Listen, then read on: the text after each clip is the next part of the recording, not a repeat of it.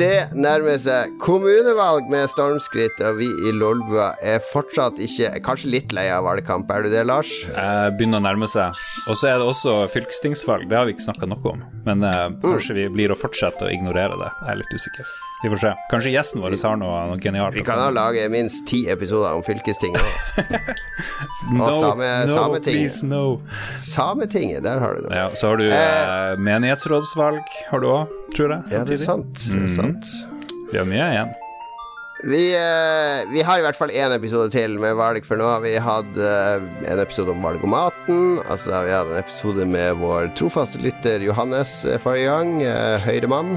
På, han var jo veldig sånn avslappa høyremann. Det var liksom ikke høyre på sin hals. Lave skuldre. Ja, vel, sånn av, men han er jo assistent, han er jo rådgiver, ikke sant? så da kan du være litt mer avslappa, tror jeg. Muligens. Ja. Muligens, muligens. Men nå har vi fått inn en ekte stortingspolitiker. Mm. Eh, representere Det burde egentlig være motpolen til Høyre, da, siden de heter Venstre. Så jeg skulle jo tro de var 100% uenige i alle saker, men sånn er det ikke. Grunde Almeland, velkommen skal du være. Tusen takk for det. Du eh, sitter på Stortinget for Venstre, stemmer det? Det gjør jeg. Ja. Sitter i familie- og kulturkomiteen. Eh, også kjent som Stortinget sitt roteloft, fordi vi har utrolig mange forskjellige saker. Alt fra Ah. kultur til barnevern til eh, kredittkort, forbrukersaker, religion og mediepolitikk. Det er ganske mye å bite over. Hvilket fylke er det du representerer? Jeg representerer Oslo. Og jeg kan jo si at I den introen din så nevnte du noen valg, men du glemte ett for, som er veldig viktig for oss her i Oslo, og det er nemlig bydelsvalg. Oh. Ja, stemmer det. Det stemmer det. Vi er litt, eh, litt eh, sære i Oslo. Sånt har vi ikke oppe i Harstad. Bydelsvalg, det blir for, for smått her, vet du. Men du representerer jo Oslo, sier du, men eh, jeg hører jo på dialekta di at du hører ikke ut som du eh, kommer fra en eller annen østkantfamilie i Oslo som har jobba på fabrikk i alle år. Nei, jeg, jeg representerer vel kanskje den største andelen av Oslos befolkning, nemlig innflytterne. Så jeg flyttet til Oslo i 2012, eh, fra Hardanger, langt bort på Vestlandet. Og du har ikke sett deg tilbake. Det ingen, ingen anger med å forlate Hardanger. Nei, eh, det har gått ganske bra her i Oslo, så da tenkte jeg at det kunne jo bli litt til.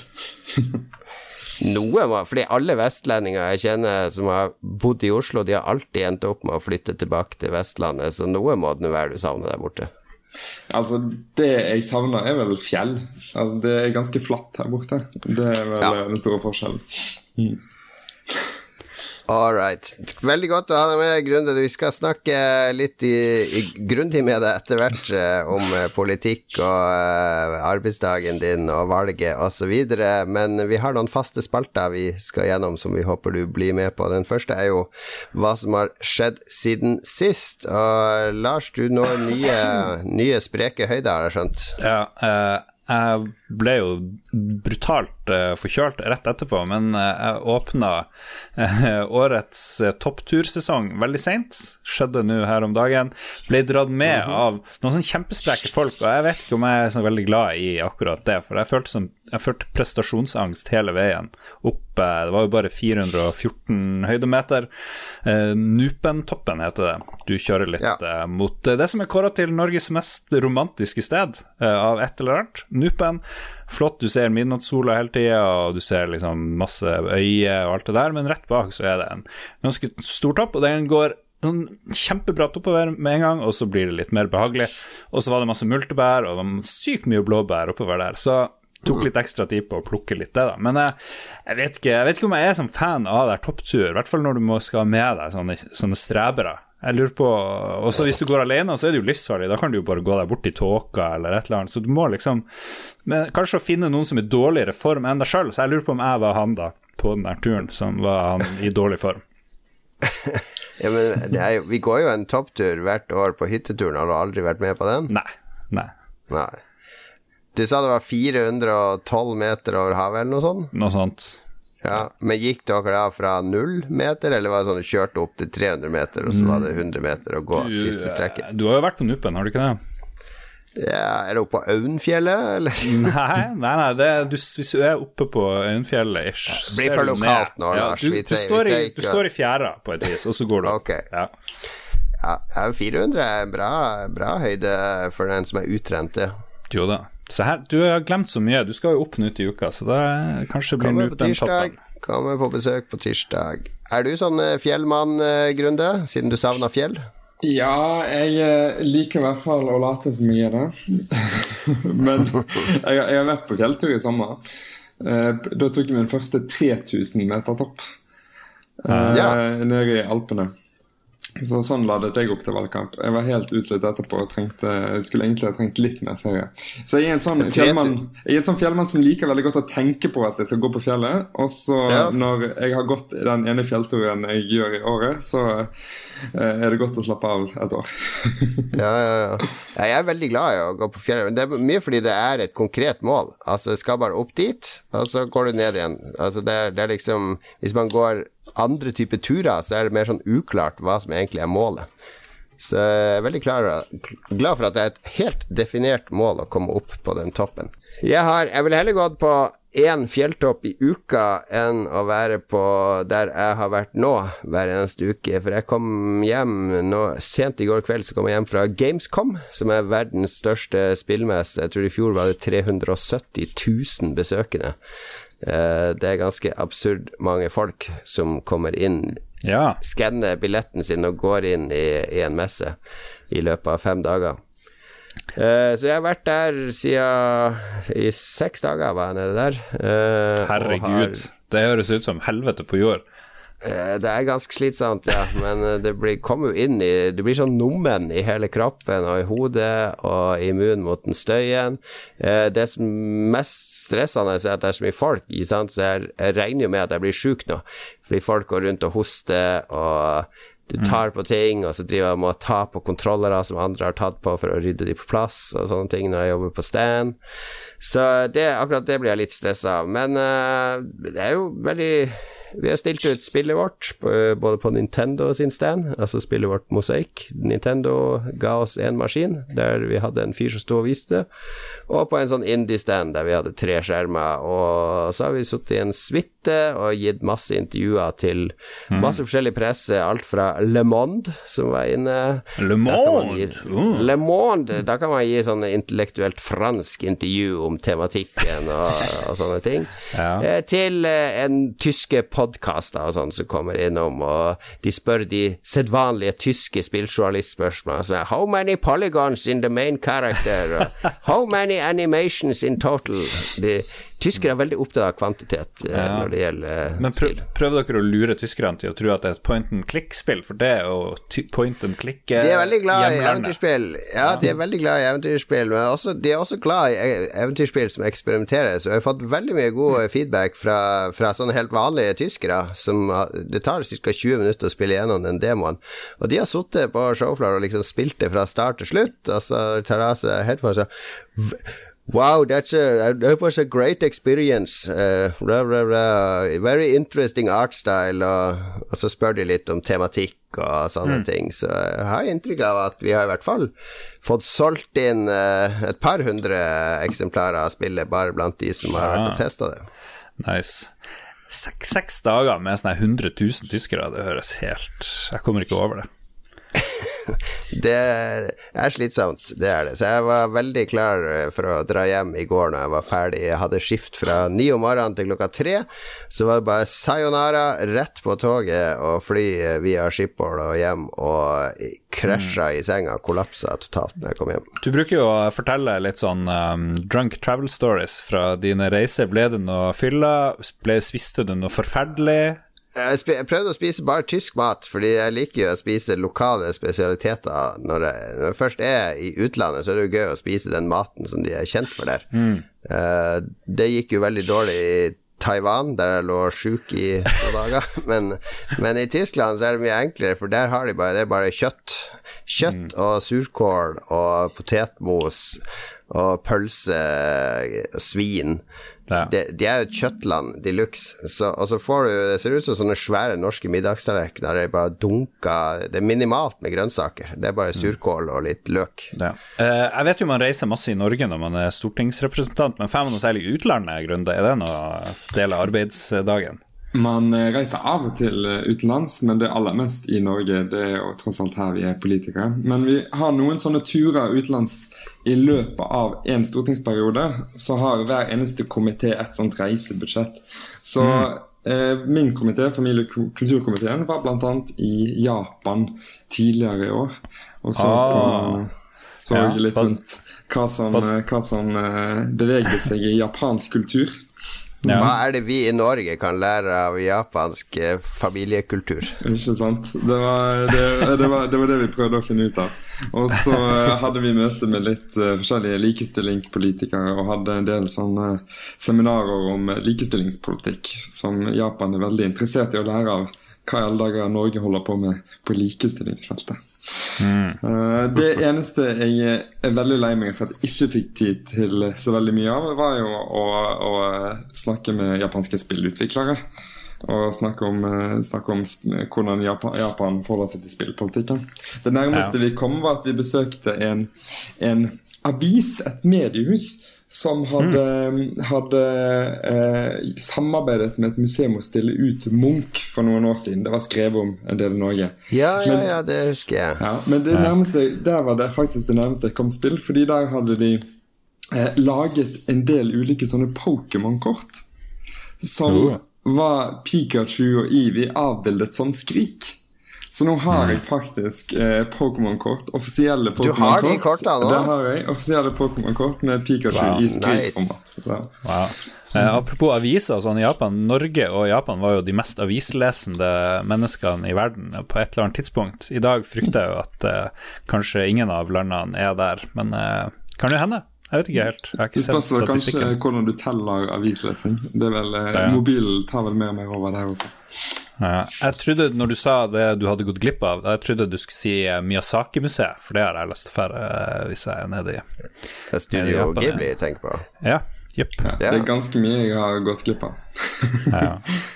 eh, vi hadde jo, da vi hadde besøk forrige uke av eh, politisk rådgiver for eh, forsvarsministeren, Johannes Utvåg, da sa han at han var veldig interessert i japansk MEC, krigsteknologi, at det kunne være en ting. Eh, så eh, kulturelt så mer anime i Norge. Det er veldig lite anime. Norsk anime, fins det? Det er jo det må være Ridiculous, faktisk. Men du har jo de der Desicon og cosplay og sånne ting har jo tatt eh, ganske bra av i Norge. Så det er ganske mye anime-fans i Norge per i dag. Mm. Ja, absolutt. Jeg skal dra og besøke en del, av, en del av de som er organisert i Hyperion, denne organisasjonen ja. for fantastiske fritidsinteresser. Da skal jeg tilbake og besøke en del av de på, på deres sånn landsting da, om noen uker.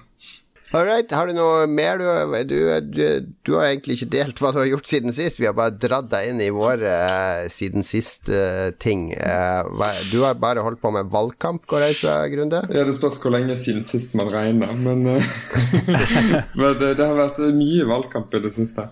Og da er det stort sett reise rundt og stå på stand, dele ut brosjyrer, banke på døra og sånt. Men jeg kan jo si det, jeg har giftet meg da, for ah, bare oi, oi, oi. et par, noen et par uker siden. Så jeg vil, Gratulerer. vil si at det er en relativt OK ja, stor begivenhet siden sist. og fortsatt i hvetebrøddagene.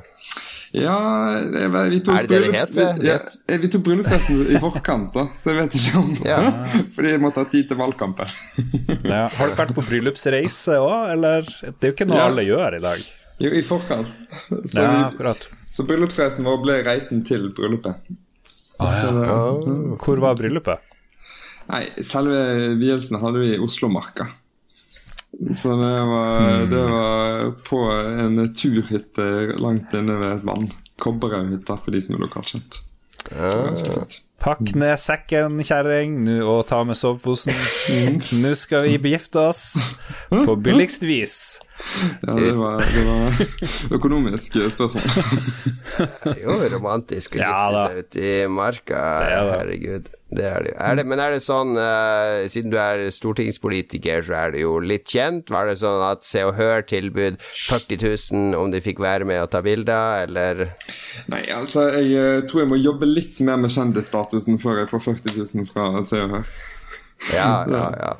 Men, uh, så det var, det var, lite snikfotografi ute og gikk når vi gikk til oss. Men her om dagen, når jeg, eh, det var det første gang jeg opplevde at jeg hadde journalister som fulgte etter meg for å Oh. prøve å snikfotografere meg. Og det var midt under denne bompengesaken. da.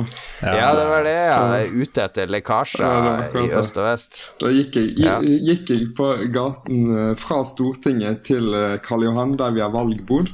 Og da var det opptil flere, flere av disse TV-teamene som kom og det filmet og tok bilder og sånt. da. Jeg tror de ble Mm. Det skuffet da de skjønte at de bare skulle dele ut brosjyrer. Ja, det er jo den viktigste saken, tydeligvis, i Norge i dag. Eh, Så i hvert fall med mye mengden er oppmerksomhet det får. Ja, nei, nå får vi håpe vi er ferdig med det. Ja, den overskygger jo alt, så det er jo ganske eh, Ganske kjedelig, egentlig. Men uh, nå er det jo enighet, så uh, nå er alle enige, og alle er venner. Kanskje vi kan konsentrere oss om viktigere lokale ting. Helt enig. Ja. Takk for deling, Grunde og Lars og meg sjøl. Vi skal videre.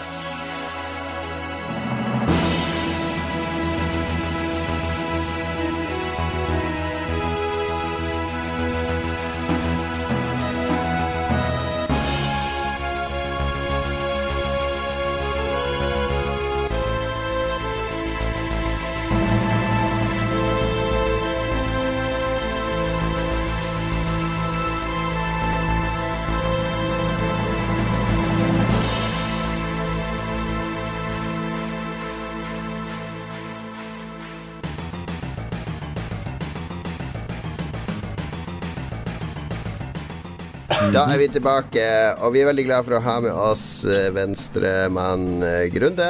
Vi har noen spørsmål, fordi vi kan ikke så mye om hvordan livet på Stortinget er. Lars, du har jo vært journalist i mange år, men du har ikke vært politisk journalist, har du det? Nei, men hadde arbeidsuke i uh, Hva det heter for noe? Næringsdepartementet. Eh, Det hadde jeg i sjette klassen, så jeg vil si jeg er full, fullt utsjekka på alt som har med regjering og politikk å gjøre. Så bare spør meg.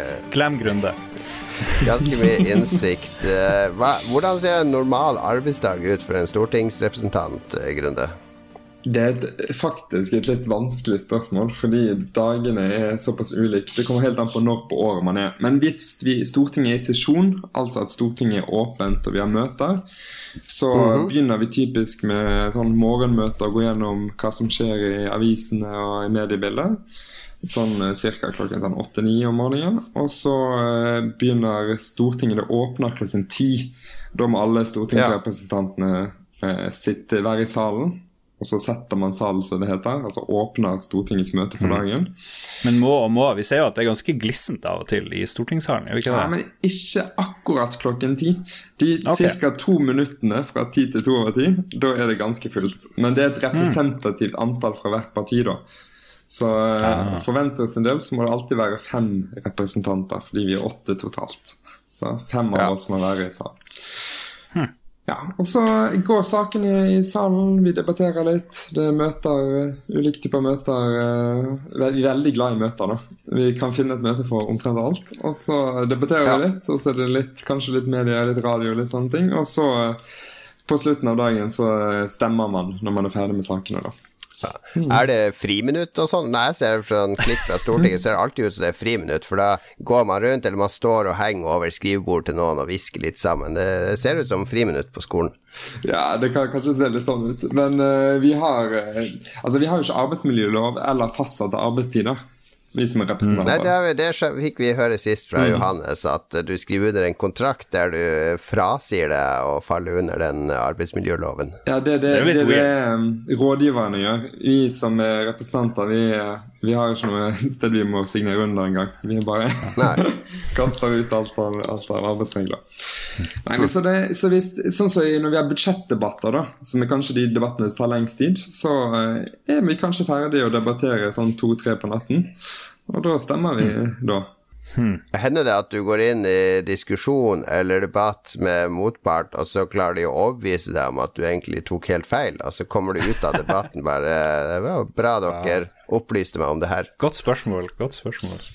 I stortingssalen veldig sjelden. Fordi da har man sittet i komiteen og forberedt saken i eh, et par måneder allerede. Og diskutert fram og tilbake um, bak lukkede dører med de andre partiene.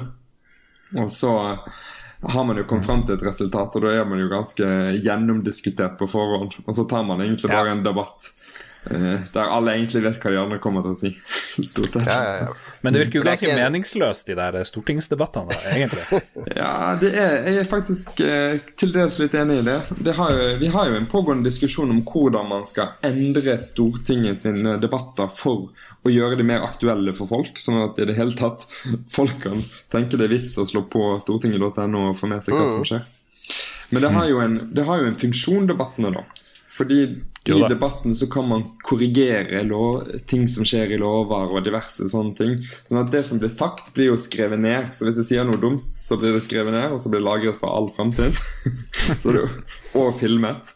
Uh, Ja. Men uh, så kan jo man referere til det i, i ja, hvis man er i rettstvister, altså i rettssaker og den type ting senere. Det kan man si. jeg, jobber jo som journalist, og så har jeg tenkt mange ganger hvorfor driver ikke å følge med mer på det eh, stortingsrepresentantene gjør fra vårt distrikt, eller kanskje litt sånn utvida distrikt. For det går kanskje en uke eller to, i hvert fall mellom hver gang vi kanskje sjekker opp om hva de holder på med. Og det er jo Det loves jo ting i valgkamp, ikke sant, så man burde jo i hvert fall sjekke om de bryr seg om og tar og følger de sakene. Eller kanskje man bare burde si alt, som stortingsrepresentanten burde gjort. Hva syns du? Hvordan burde media dekke din jobb, syns du egentlig? Nå når jeg har det her. nei, eh, jeg tenker jo at Jeg syns det er bra hvis media følger godt med på hva vi driver med. Og jeg tror hvis eh, Ja, for min del, da som er representant for Oslo Hvis jeg Nå er vi i en situasjon der man i Oslo har veldig få lokalmedier. De fleste mediene eh, omtaler seg som riksmedier eller er liksom for større, større deler enn bare Oslo. Som gjør at det er lite lokal Oslo-stoff som kommer på. Men jeg tror hvis jeg hadde hatt en lokal Oslo-avis som i mye større grad fulgte med på hva jeg gjorde, og stilte spørsmål til ting jeg gjorde, så tror jeg også jeg hadde vært mye mer bevisst på å klare å levere på ting nettopp for Oslo. da. Så jeg tror um, ja, media kan jo være med å påvirke nettopp for å sørge for at folk får eh, sin lokale sak på agendaen. Mm. Ja. Er du, eh, du Du er jo aktiv eh, dataspiller, har vi skjønt, eller kanskje ikke tid til å være så aktiv nå som du er nygift og midt i valgkamp og stortingsrepresentant, men du, du har spilt eh, mye. Du hadde jo et innlegg på gamer.no for ikke så lenge siden der du snakka litt om historiedrevne dataspill. Hva, hva er dine første sånn nerdeminner eller dataspillminner? Åh, det aller første, det er Final Fantasy 7. Det er det første Oi. spillet som jeg liksom virkelig tenkte at oi, dette her er en verden jeg må bare hoppe inn i. Mm. Da, da var vi, eh, jeg og bestekompisen min den gangen, vi var ti, eh, ti snart elleve år. Fikk ikke lov, han hadde, eh, kompisen min hadde fått Final Fantasy 7 til eh, eh, bursdagen, tror jeg det var, av foreldrene. Men vi fikk ikke lov til å spille det før vi var blitt elleve år begge to. Så vi satt og ventet og ventet og ventet da, til vi fikk lov til å spille det. Wow. Og det spillet, det spilte ikke jeg, det spilte kompisen min, men jeg satt ved siden av og så hele Fine Francis 7 og hjalp til med oversettelsene fra engelsk til norsk. da. Oh, Så vi, vi spilte det sammen og tok valgene i lag, da. Og det har jo det er ganske da. magisk. Ja, nei, det var helt magisk. Det er et helt magisk spill. Så det, når remaken nå kommer, er jo Ja, det er noe av det jeg gleder meg mest til i spillverdenen. Men klarte dere å spille gjennom hele greia? Det er jo et ganske vanskelig spill eller liksom, å skjønne alt når du er 10-11 år, vil jeg tro. ja, det var et par steder vi sto ganske, ganske fast når det var en del vanskelige ord. Men uh, vi, jeg satt med ordbok, da. Og jeg var Jeg vet ikke. Det, jeg tror jo Jeg pleier å si at jeg tror det er derfor også jeg eh, ble så god i engelsk som jeg ble ganske tidlig. Og det er derfor jeg likte også engelsk veldig godt på skolen. Og når vi tar hele den diskusjonen som en politiker ofte kommer inn i, da, hva jeg spiller godt for, så eh, er jo dette en av tingene, mener jeg. Hvordan, eh, hvordan maskin var det du eide? Eller gikk du rett på PC, eller hvordan funka det? Jeg, hjemme hos meg sjøl så hadde vi PC. Da hadde vi en gammel boks av en, av en PC. Og så hadde vi den klassiske, gamle, gode Nintendoen med Super Mario. Det, det var liksom de første konsollene jeg hadde da. Men på den PC-en da fikk jeg liksom Det var der jeg Etter hvert som vi fikk bredbånd, så kom jo disse MMO-RPG-ene inn, da. Så jeg spilte sånn Runescape og gjorde Jeg spilte et spill som het Puzzle Pirates, veldig heftig. Så jeg hadde en del av disse ja, sånn problemløse spill. Likte jeg veldig godt. Og etter hvert strategispill. Så var det jo da når Age of Empires 2 kom, spilte vi det heftig mye. Og så har det jo etter hvert blitt Civilization, da. Som jeg, Det er du og, du og Jens Stoltenberg som var på Age of Empires-kjøret, for han har også snakka om Age of Empires i intervjuer. Ja, det, det kan godt være. Ja.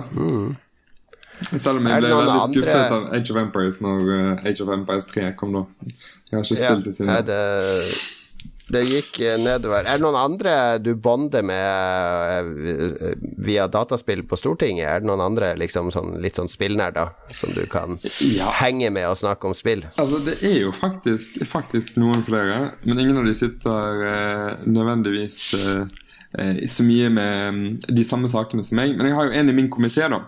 Eh, Freddy Øvstegård fra SV.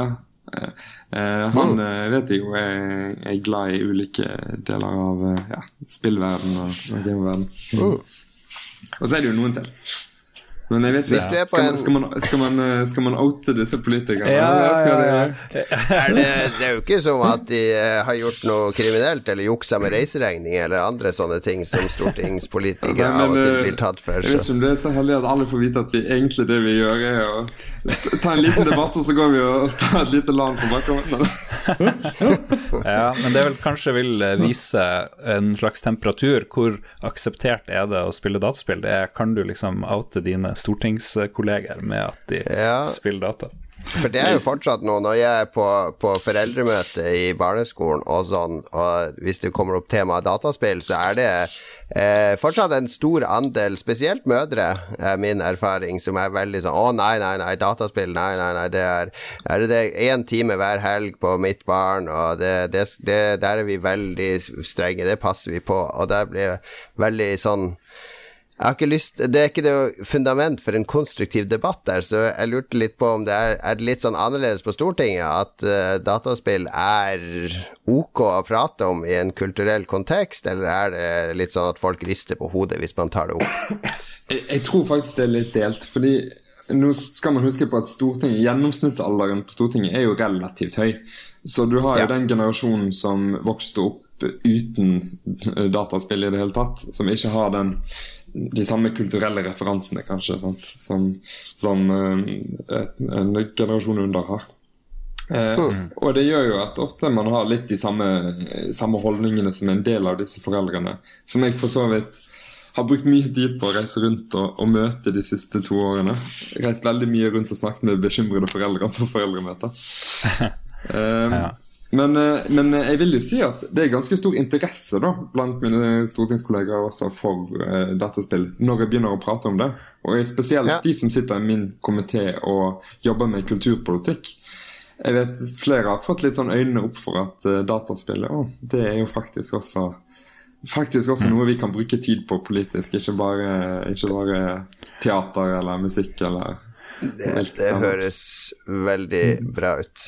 Du, når du er på La oss si at du er på en fest, og det er ingen som kjenner deg, ingen som vet at du er stortingspolitiker.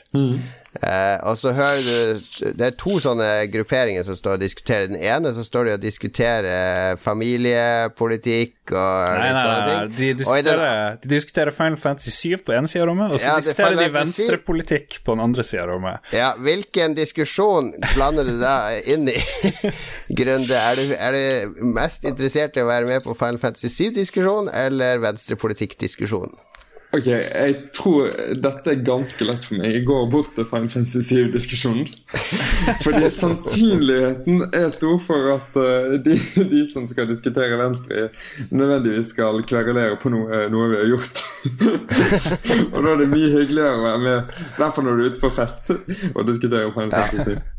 Jeg er helt uh, enig i. Uh, I mitt hode så er jo uh, Venstre er liksom dataspillpartiet uh, for tida. Jeg vet ikke om det er rett eller feil, men det har vært sånn Trine Skei Grande har jo interessert seg litt for det her og drev og styrte med Eller spilte litt Commodore 64 da jeg var liten og sånn, husker jeg også. Da vi snakka med henne så vidt for to år siden under valgkampen. Så, men er, er, Venstre dataspillpartiet i Norge, og hvordan, hvordan ble det sånn, Grunde? Jeg vet ikke om du er enig? Jo, jeg vil, jeg vil jo si at jeg er enig i det. Um, men jeg, jeg, tror det Ja, hvordan ble det sånn? Vi har, uh, vi har, vært et parti som egentlig alltid har vært opptatt av um, en større bredde av ja, både kulturen og at folk kan uh, ja, få lov til å drive med mer enn bare det som eh, skaffer over, de største overskriftene i, på sportssidene eller kultursidene. Så man har vært opptatt av mangfoldet i liksom, Kultur-Norge og i, ja, i alt. Og, da, og, så har man hatt veldig mange spillinteresserte folk i Venstre. Så når jeg begynte å snakke om spill på Stortinget eh, når jeg kom inn der, og snakket med eh, Så visste jeg allerede at uh, Trine Skei Grande var opptatt av dette. Så jeg fikk jo egentlig ganske frie tøyler til å være med og prøve å utvikle politikk. Og det har jo gjort at vi har etter hvert fått gjort veldig mye. Og nå skal vi jo lansere den første dataspillstrategien fra en regjering noensinne, som kommer om noen uh, uker. Er det noe lekke derifra, Grunde? Det er jo så mye lekkasjer for tida, så kan like godt lekke noe derifra. Hvis du driver med sånn lekkasjer, så gjør du det anonymt. Så da får jeg sende en melding etterpå. det er nesten ingen som hører på Lolbua. Altså det... Nei, det, det, det, er en, det er en dataspillstrategi. Den skal handle om eh, både spillutvikling, altså næringssiden av, av dataspill, og så skal det handle en side om gaming, og da skal også e-sport være en del av det. det så det, det skal bli spennende. Hvis, eh, hvis, hvis, Venstre er nummer én dataspillpartiet, hvem er, er det noen som er liksom en, en nummer to? Hvordan, jeg har ikke noe inntrykk av at det er noen andre partier som bryr seg. MDG? Er de ja, jeg, eh, altså, Hvis jeg skal, være, jeg skal, være, snill, da, så må jeg vel mm. si at MDG gjør jo mye bra, de også. Ja. Problemet er at de har, i, de har, jo ikke vært i posisjon politisk til å kunne faktisk gjøre noe med det. Nei. Mm. Så, um... men, men, det var vel Arbeiderpartiet som i 2008 la fram den første stortingsmeldinga om dataspill? Ja, det stemmer. Det stemmer. Ja. Mm. Og Arbeiderpartiet har jo også vedtatt en uttalelse nå på hva var det, landsmøtet deres i år, eller landsstyret mm. eller noe sånt. Så de har jo også i hvert fall et bevisst forhold til data. Men siden det ikke er ferdig, den rapporten, kan du ikke prøve å snike inn en side om spillpodkaster òg? At det blir sånn gigantisk eh, fond til spillpodkastene. Ja, det må vi jo klart få til. Hvor mange millioner er det dere ville ha, sa du?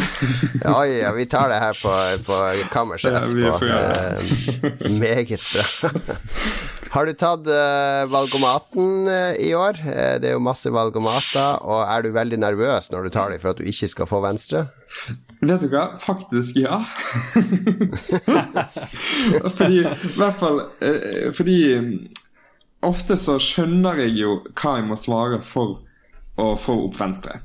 Ja, og det, da, da, er du 100 ærlig, eller, nei, men, eller nei, men, sånn? ja, men, Hør nå. Det, ofte så skjønner jeg hva, hva svaret jeg trenger for å få Venstre. Men de mm. gangene jeg kjenner jeg blir skikkelig nervøs, er jo når jeg tenk, prøver å fokusere kun på å svare ærlig for mm. å svare det liksom første innfallet jeg får, ikke det som jeg vet er riktig. Og så ser du om det da blir Venstre. Fordi jeg har vært med i Venstre såpass lenge at jeg eh, kjenner jo politikken vår ganske godt. Mm. Men eh, jeg kan jo avsløre da at jeg fikk eh, Jeg har fått Venstre på alle, alle, alle testene jeg har tatt i år. Ja. Utenom én, ja. og det var hjemkommunen ja. der jeg kommer fra. Da fikk jeg ja, Vår gjest i forrige uke sa jo at hvis du er mer enn 60% enig med ditt eget parti, så må du liksom uh, gå ut og trekke litt frisk luft, for det var ikke sunt, uh, mente han. Nei, jeg, jeg, jeg, er beyond help. Jeg var på 90 oh. All right. Nei, men nå har vi fått uh, mye bra innsikt i uh, ditt uh, liv. hvordan endte du egentlig opp i Venstre? For du har vært med ganske lenge, sa du. Hva var det som appellerte til deg med Venstre da? Var det da når Odd Einar Dørum og de fortsatt var med, eller hva, hvordan kom du inn? Jo, Audun Dørum er fortsatt med i dag. Han, uh, sitter, ja, han sitter i bystyret for oss i Oslo, så han er i høyeste grad aktiv. Nettopp. Men uh, jeg kom inn eh, Ja, jeg begynte å, å, å snuse på, på Venstre tilbake i 2009. Og mm. det var da når de holdt på med disse Jeg vet ikke om dere husker det, monstermastene i Hardanger. Ja, ja, ja, de husker jeg. Ja. Hørtes kjent ut. Ja, det var, De skulle bygge sånne elektriske master gjennom Hardanger, og det var ikke vi som var lokalbefolkningen så nødvendigvis så veldig glad for. Så lite glad var store deler av Hardanger for dette at Arbeiderpartiet sine lokallag ble jo lagt ned i de to nabokommunene til der jeg Ja. kom fra. Um, for det var uheldigvis uh, for de Arbeiderpartiet og Senterpartiet SV som styrte den gangen. Men um, da var Venstre, og så var det spesielt hun ene som var kandidat for Venstre lokalt. Hun var veldig aktiv motstander av dette, og da begynte jeg å skjønne at dette kanskje var et, et spennende parti. Og så leste jeg litt mer om det, og så eh, meldte jeg meg inn. Og så skjedde det ikke så mye mer. Jeg var bare medlem og betalte kontingent. Før uh, en del år seinere jeg ble dratt med på et sånt Unge Venstre-møte, og så Siden har jeg ikke hatt så mye fritid. Ja, ja, ja. Nei, men det Med monstermaster, ja, det husker Men hva er det med folk på Vestland? Vil ikke ha strøm? De vil ikke ha vindmøller, de vil ikke ha eh, master som transporterer strømmen. Hva, vil, de, vil, de, vil de ikke ha strøm der Altså, det er jo mye hyggeligere å dra på hyttetur uten strøm og innlagt vann og alt sånt. Så det, det skal man jo liksom beholde. Nei, Det kan diskuteres. nei men det er, en sånn, det er den klassiske, veldig vanskelige konflikten mellom eh, bevare naturen og, og hjelpe klimaet.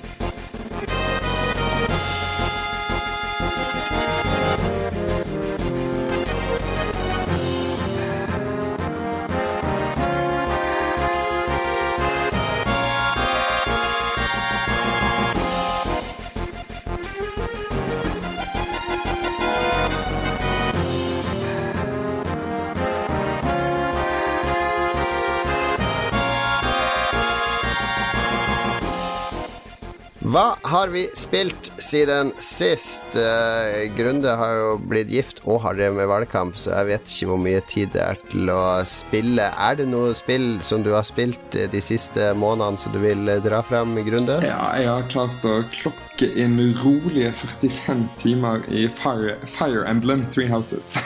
Åh, What?! ja. nice. Det må jo være perfekt å ha med portabelt, kanskje? Jeg vet ikke. Ja, er det, det sånn? jeg kjøpte meg Nintendo Switch etter jeg kom på Stortinget. Perfekt til Ja. eh, flyreiser som, og togreiser og bussreiser. Som er litt, eh, Genial. litt Jeg min har jeg har så vidt begynt på det spillet, så, så eh, det, det føles litt sånn, sånn her, litt sånn Harry Potter med den store skolen du er på å utforske, og så har du jo selvfølgelig disse taktiske kampene.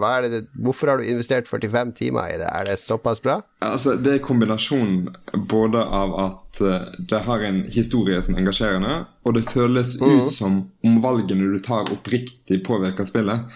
Så eh, det er en, det er liksom, det er en god historie som føles Den føles unik for den gjennomspillingen. Så jeg tror at mm. gjenspillbarheten er, er, er ganske Verdien av den er ganske stor. Eh, og så liker jeg jo litt den Harry Potter-skolefølelsen. da Min store Ja. drøm var jo Når jeg var liten var jo at det skulle komme et sånn stort Harry Potter-spill som ikke fulgte bøkene, men bare der jeg kunne være hovedkarakteren i, i spillet. Det er helt absurd at de ikke har laga, laga det. Altså Bare brukt Galtvort som bakgrunn og laga egne historier i det universet. Ja. Det nærmeste man kommer, uh, Wizards Unite. Og det er fortsatt et stykke unna. Ja. Ok, nei, men det er.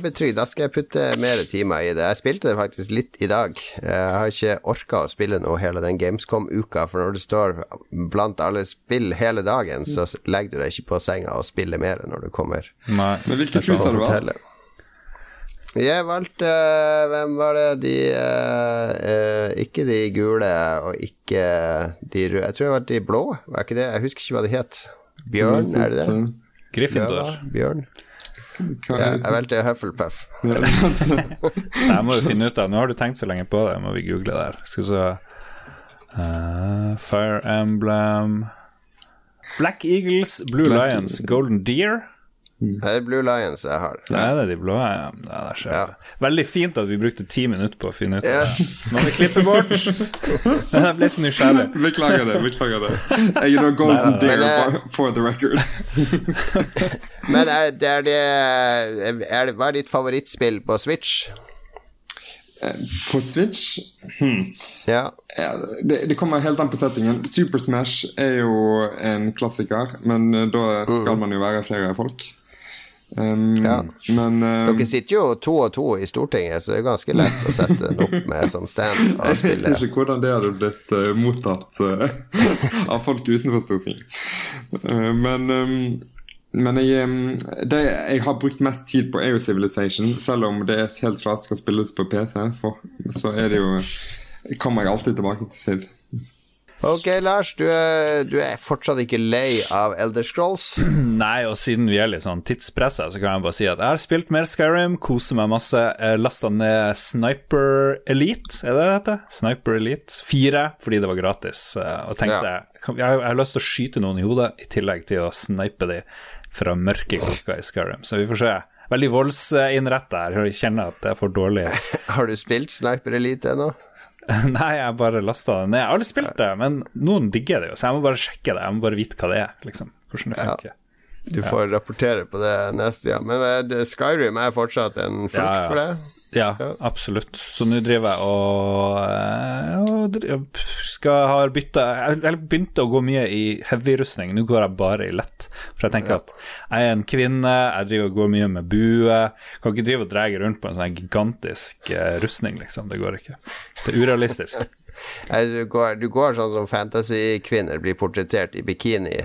Nei, nei, men nå her er liksom Du kan jo velge kroppsfasong og sånn, her er litt sånn mer stealthy og sneaky og litt sånn nett. Og er ikke Brienne of Tarth, som jo drar Nei, nettopp. Jeg skal ta kjapt hva jeg har spilt. eh, det spilte jeg før jeg dro til Gamescom, og det heter Ion Fury, som er dette spillet uh, Iron Fury heter det vel. Eh, som er dette spillet som måtte skifte navn, for det het vel egentlig Ion Maiden. Og så ble Iron Maiden sinna på det, altså nå heter det Ion Fury i stedet.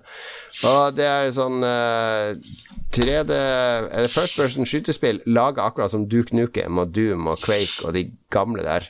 Eh, det føles veldig som en oppfølger til Duke Nukem fra 90-tallet. Ja, jeg så du streama det. Det ser skikkelig gammelt ut. Jeg streama det, det flyter som bare det, og det er sånn old school med helse og rustningdeler du må plukke opp, og, og alle brett har sånne 14 secrets, sånne dører, du kan hoppe opp dit og klare å åpne en dør og krabbe opp dit. Det er konge. Det er konge. Og lete Det har den, det har den old school-følelsen, og kul, eh, kul setting, og litt sånn der uh, utdatert uh, barskinghumor. Det har vel fått litt kritikk for uh, humoren, men, men uh, sånn, sånn er det jo i dag. Det skal ikke så mye til. Eh, men jeg, ja, jeg likte, likte det godt. Streama det, så du kan se det på Lolbua sin YouTube hvis du vil.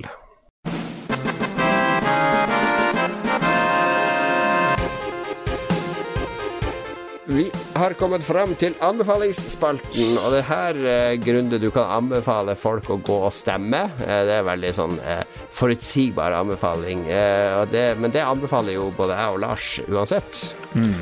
Det, ja. Så vi, vi, vi anbefaler ting, men ikke spill. Det er eneste regelen. Du kan Ja, her kan man anbefale alt bortsett fra spill. Så, sånn som Lars han kan anbefale tannlegen sin en uke, så anbefaler han en annen tannlege neste uke. Ja. Og, Det er true, true story. Men Tannlegen min har jeg anbefalt til alle vennene mine allerede, så jeg tror hun har nok å gjøre. Men, um, okay. men Ja, jeg, jeg, jeg, hadde jo, jeg hadde jo tenkt å anbefale å stemme på Venstre, men hvis dere tar dere av det de neste ukene, så, så slipper jo jeg å gjøre det. Um, men uh, jeg har jo ikke hatt tid til, til å gjøre så veldig mye annet enn valgkamp og så spille Fire Emblem, så uh, det er jo begrenset hva, uh, hva av ny inspirasjon Ja. jeg har til anbefalinger. Du kan jo anbefale folk å gifte seg, f.eks. Det, det går ut fra det var en god opplevelse. Da har du en god anbefaling der. Oh, Ja, ja. det er, mye For- for plan, det det er også- veldig mye planlegging og mye jobb, da. Nei, men det, det, jeg har faktisk en anbefaling, og det er en TV-serie eh, som jeg har klart å endelig se på. Eh, og det er jo eh, denne mirakuløse Mrs. Maisel, som en har vel lagt ute på Amazon Prime i en evighet, som sikkert veldig mange har sett. Men som jeg eh, ikke har sett før helt nylig, nettopp fordi den gikk på Amazon Prime og ikke på Netflix eller en av de andre en million sånne streamingtjenestene man har. Ja, ja, ja. Og det var skikkelig, faktisk en skikkelig sånn uh, morsom eh, serie om uh, en kvinnelig standup-komiker, eller wannabe standup-komiker i New York, satt på sånn 50-60-tall. Så han har sånn godfølelse av gammel storhet i USA. Nei, så den likte jeg. Anbefales. Skal vi se Hun heter Rachel Brosnahan, eller hva hun heter for noe. Hun spiller jo en sånn her eh, jødisk, uh, veldig utypisk for sin tid standup-komiker. Mm. Hun må jo lyge for foreldrene ikke sant, for å fære rundt og hit og dit. Og, og faren spiller sammen der Tony Shalhoub, han Monk. Han er jo genial. Han er jo nesten like bra som hun hovedrolledama. Jeg har sett i hvert fall én sesong. Jeg likte det veldig godt, så jeg er enig. God, god anbefaling. All right. Amazon Prime-TV-serie, var det det dere sa? Yes. Jepp. Yeah. Amazing Mrs. Maisel heter den. Nei, Marvelous. Marvelous, Marvelous ja. Mrs. Maisel. Unnskyld. Marvelous Mrs. Maisel. Eh, Lars, du har vært på kino. Ja, tenker jeg enkel eh, anbefaling. Det er jo veldig mange som sikkert har sett Once Upon a Time in prikk, prikk, prikk Hollywood av han Quentin Tarantino med Brad Pitt og eh, Nå skal jeg til å si Kevin Costner. Leonardo. Leonardo og masse, masse masse bra eh, skuespillere. Og eh, veldig litt sånn ujevn film. Av og til så virker det jo som om han bare kaster opp alt han har lyst til i filmene sine, og så blir det en sånn potpurri-greie. Og noen ganger så er det mer sammenhengende. Jeg liker de litt mer sammenhengende, sånn som Reservoir Dogs og eh, Jackie Brown syns jeg er veldig kul. Så, men jeg liker jo alle. Jeg liker jo alt, egentlig. Um, og så min minst favoritt er den der Hateful Eight. Den syns jeg var drit. Lang hyttetur, kjedelig lang hyttetur, men nå er han tilbake, og den her uh, Once Upon a Time in Hollywood må ses. Så jeg har aldri sett han Leonardo DiCaprio spille, spille like bra som her, altså. Så hvis han ikke får noe Oscar-nominasjon, så blir jeg veldig overraska. Har dere sett den? Nei. Nei. Nei, jeg har ikke sett den, men jeg gleder meg så fryktelig til å se den. Så jeg bare prøver for all del å unngå, unngå for mye spoilers. Og så jeg, jo, jeg var jo fryktelig sur da på, på Morgenbladet, som klarte å skrive en sånn der eh, surmagret dårlig anmeldelse av, eh, av eh, filmen. Fordi jeg skal ikke ha noe som ødelegger følelsen. Jeg er stor Tarantino-fan. Ja. Jeg tror du blir å like den. Jeg tror garantert du blir å like den. Ich bin Rick Dalton. Ist mir eine Freude, Mr. Schwartz. Nenn mich Marvin. Schlag ein. Ist das dein Sohn? Nein, das ist mein Stunt-Double, Cliff Booth. Letzte Nacht haben wir uns ein Rick Dalton Double Feature angesehen. Die ganzen Schießereien. Ich liebe es. Du weißt schon, das Töten. Ganz viel töten. Jemand frittiertes Sauerkraut bestellt? Brennt, ihr Nazi-Bastarde! Jeg har, jeg har ikke jeg vurderte å gå og se den i Tyskland, men så kom jeg på at jeg hadde jo dubba til tysk. Så det Einmal am Hollywood tror jeg ikke er like kult som Once Upon a Time in Hollywood. Tror tror det er helt rett. Får vel se den etter hvert. Ehm, jeg har lest bok. Det har jeg klart å gjøre i Tyskland. Jeg leste en veldig artig bok av en forfatter som heter Scott McLanahan, en amerikaner eh, fra West Virginia, tror jeg, som har skrevet en bok som heter The Sarah Book, eh, book altså Sara-boken, som er om hans eks, som heter Sara, som han har to barn med. og Eh, det virker som det er eh, sånn halvveis selvbiografisk og, og litt sånn eh, absurd. Og veldig, veldig Altså, det handler om det når, når noen gjør det slutt med deg. Og det der eh, tapet du føler på etterpå. Og så er han der Scott McLennan, i hvert fall sånn som han fremstiller seg sjøl i boka, han er rimelig snål òg, da. En ganske spesiell type. Eh, litt sånn alkoholiker, litt fortapt, eh, litt selvdestruktiv. Når, han, når, når hun gjør det slutt, så driver han og bor ute i, i parkeringsplassen utenfor Walmart, for han nekter å få seg leilighet, for han vil alle naboene skal se at hun har kasta han ut, og at han er blitt uteligger og sånn. Eh, driver og ødelegger mye for seg sjøl. Og det er noen veldig, veldig vonde scener i den boka som eh, du blir litt sånn satt ut av. Når han driver og kjører i fylla i 150 km i timen på motorveien fordi han har jo et sånn death wish, og så kommer han på at i fylla han glemt å ta ut ungene som sitter i baksetet, så det sitter sånn ettåring og treåring i baksetet mens han driver og svimer rundt i fylla på motorveien. Det, er litt, det er noen sånne brutale scener i den boka. Den er, veldig, den er ganske kort, lest på sånn tre-fire timer. Og har du noen gang hatt kjærlighetssorg, og kanskje spesielt hvis du er eh, er uh, litt sånn uh, Hva skal jeg si Jeg kjente meg igjen i en del av det han gjør, og så er det noe som er for bisart for meg. Det er noen sånne mm. scener med en sånn hund med ett øye og en annen hund som driver og slikker den i øyet hele tida. Det, hm. det, det, er litt sånn David Lynch-aktige scener i den boka. Så Scott McLenahan, The Sarah Book er min anbefaling. Once Upon a Time in Hollywood han Lars anbefaling. Og Marvelous Mrs. Maisel på Amazon Prime anbefaler Grunde denne uka.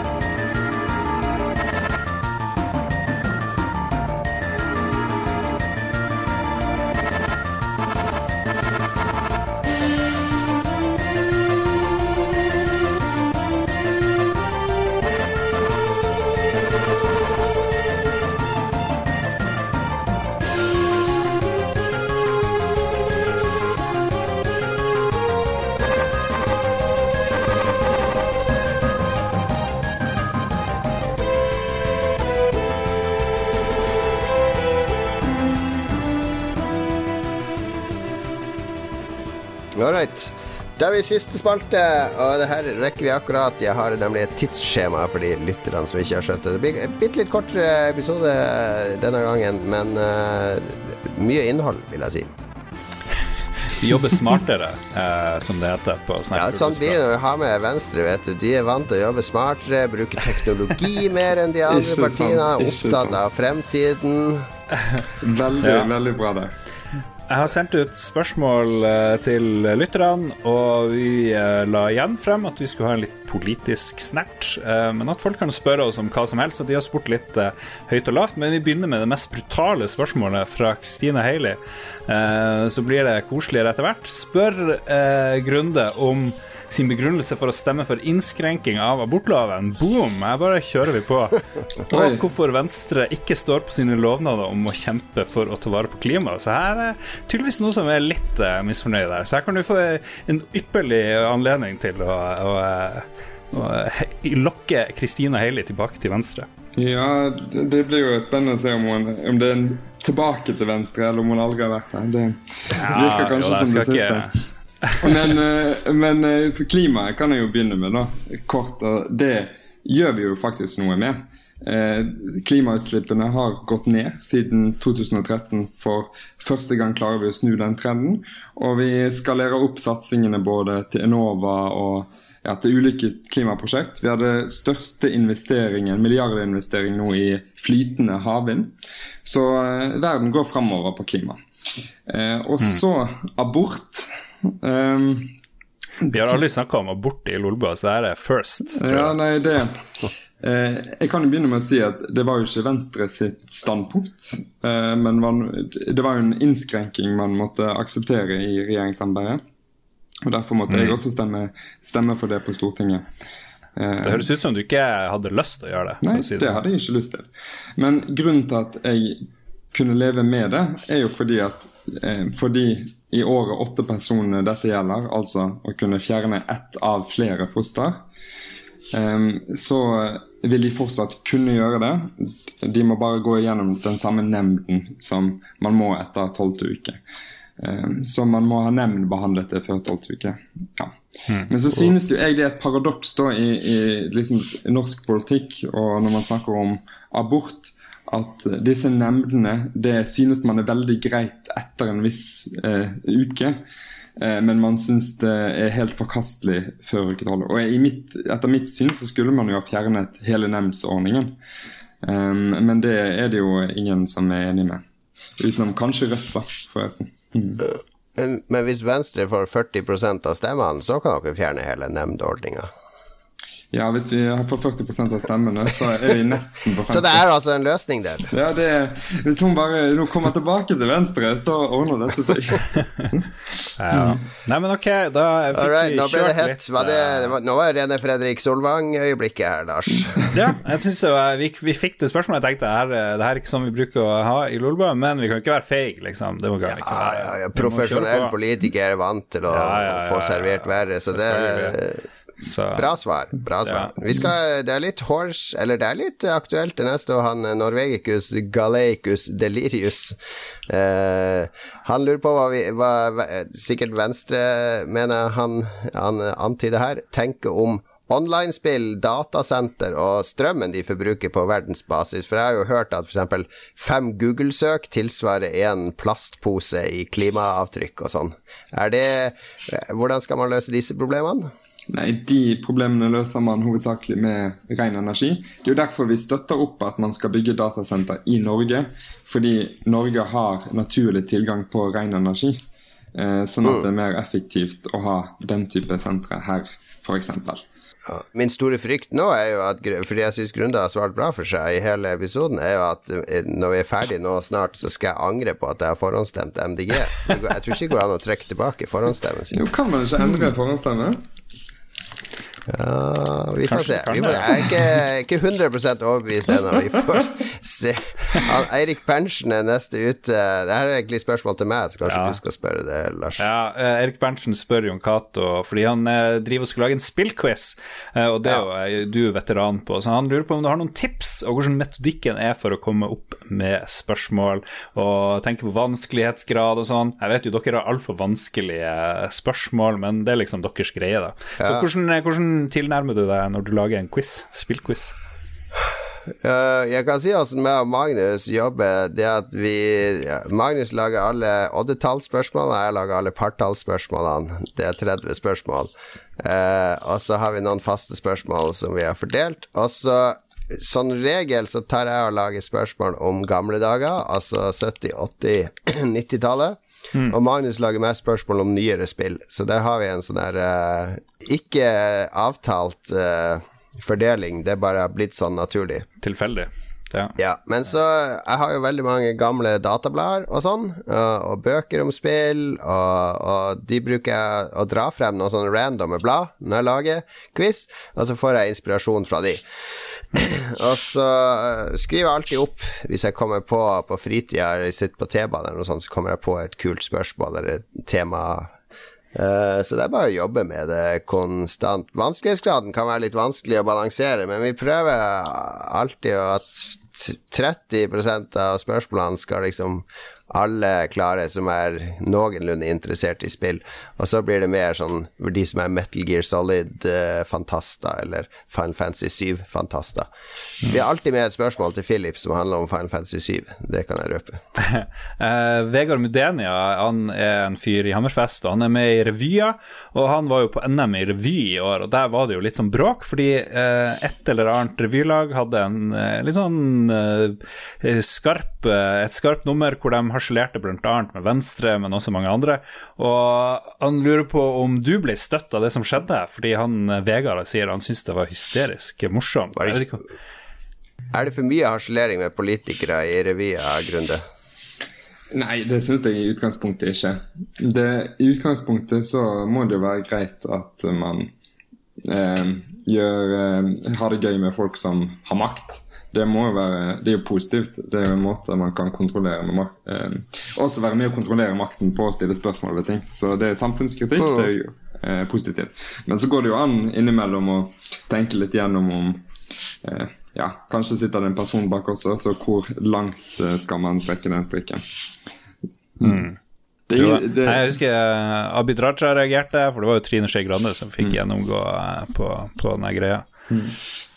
Ja, nei, sant. Det er jo det er vanlige mennesker som, som er bak, da. Eh, Bak eh, den eh, fasaden. Man kan jo noen ganger tenke gjennom det, men det betyr jo ikke at man skal ha noe forbud eller noen regler som sier at man ikke får lov til å parodiere eller Det er jo forskjell på hva som er eh, helt ok å gjøre, og hva som eh, du drar, Når du drar den så langt at det ikke lenger nødvendigvis er morsomt. Jeg tenker at en lur taktikk for en politiker kan være å gjøre sånn som kona til Carl I. Hagen gjorde, og Eli, og bare kjøre ned den trappa ut til slottet. Fordi det er egentlig ganske ufarlig og bare dumt, og alle kan le av det. Eh, og så har hun den store tabben, ikke sant. Så hvis hun gjør sånne mindre tabber, så blir liksom det Det overskygger ikke det der når hun kjørte ned den trappa, og det, det er ikke så Det er ikke så dumt å kjøre ned den trappa at du ikke kan leve med at 'Å, en gang så kjørte Eli ned trappa'. Jeg tenker at man konstruerer en sånn tabbe som da tar alt fokuset, og så har man en større tabbekvote etterpå. I morgen, det her blir jo spre seg, i morgen kommer alle i Venstre stortingsgruppe til å kjøre ned i der trappa. Det blir som den der boka 'Kollektivt selvmord' til den der finlæreren. Elektrisk sparkesykkel ned trappa foran slottet. Det er akkurat elektrisk sparkesykkel. Nei, men du, du kan bli ansatt som rådgiver, du. Du har mye gode tanker der. Ja, det er uh, Takk for det. Takk for det. Skal ikke si uh, Aldri si aldri. Vi er klar til å uh, bidra politisk med en gang. ja, det er bra. Han er superninja-pilot, og han, hørt, han, har sett på når vi har tatt opp sendinga her, og, og, når du snakka litt om livet på Stortinget, og han lurer på om du ønsker en sånn britisk løsning mer på Stortinget, der dere sitter på hver deres side av rommet og hyler og skriker til hverandre, og så er det en sånn spenstig speaker som får hele tida rope etter order. Nei, jeg tror ikke nødvendigvis det. Fordi det ville ikke kommet noe nærmere det som nødvendigvis er mitt mål, som er at eh, folk skal eh, bli mer opptatt av hva som skjer på Stortinget, og bli, bli, mer opplyst om hva vi driver på med, hva vi bestemmer. Eh, for eh, Problemet i Storbritannia er jo at man har et veldig polarisert system der absolutt alt handler om å være i konstant konflikt, i stor grad. Og det kan det jo til noen ganger virke som det er i Norge også. Men i utgangspunktet så er bare, vi er jo plassert etter vi, hvilke fylker vi kommer fra, eksempelvis i stortingssalen. Nettopp fordi ja. hele det politiske norske politiske systemet er jo bygd opp nettopp etter kompromissvilje. Man skal finne løsninger sammen på tvers av skillelinjer. og vi har eh, mange partier som skal veie hensyn mot hverandre, ikke to store partier som eh, mm. alltid skal være i konflikt. Så ja. jeg er ikke nødvendigvis veldig glad i den eh, britiske løsningen, selv om det er underholdende, da. Vi har ikke noen flere gode eller spørsmål som vi må ta nå, vi kan spare resten til neste gang. Eh, men um, Det burde vi jo sagt hver gang vi hadde noen med i det valgsendingen. men er det noe vi har glemt å spørre om? Er det noe du har lyst til å, lyst til å få ut og si til publikken? har det, er jo ikke, det er jo ikke noen andre spillpodkaster som har politikere på besøk, tror jeg, i år. Nei, nei um, snakket vi om at folk måtte stemme Venstre? Det vet jeg ikke om vi Det, det har vi fått med oss. er det nå én sak som er mer viktig enn for deg uh, i dette valget?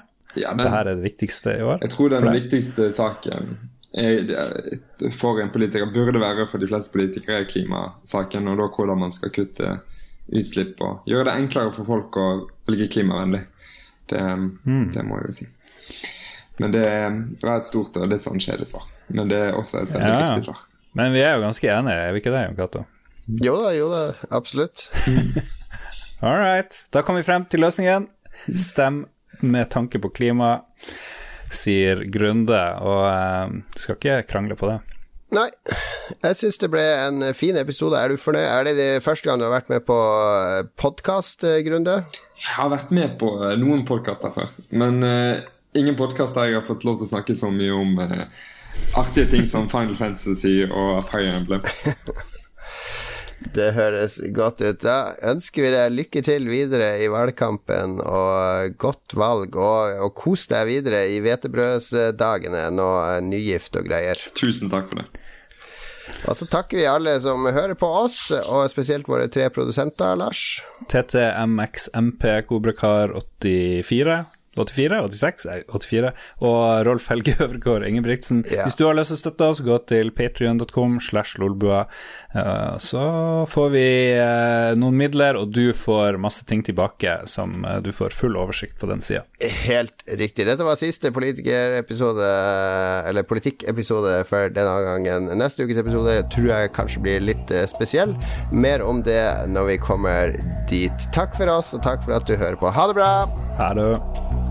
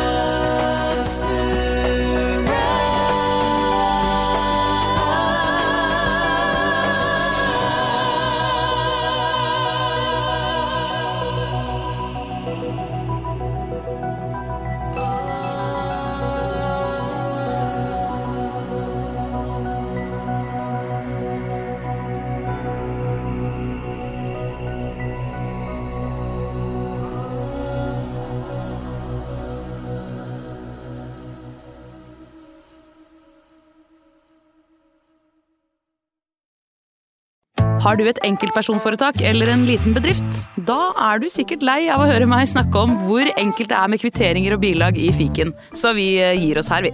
Fordi vi liker enkelt. Fiken superenkelt regnskap.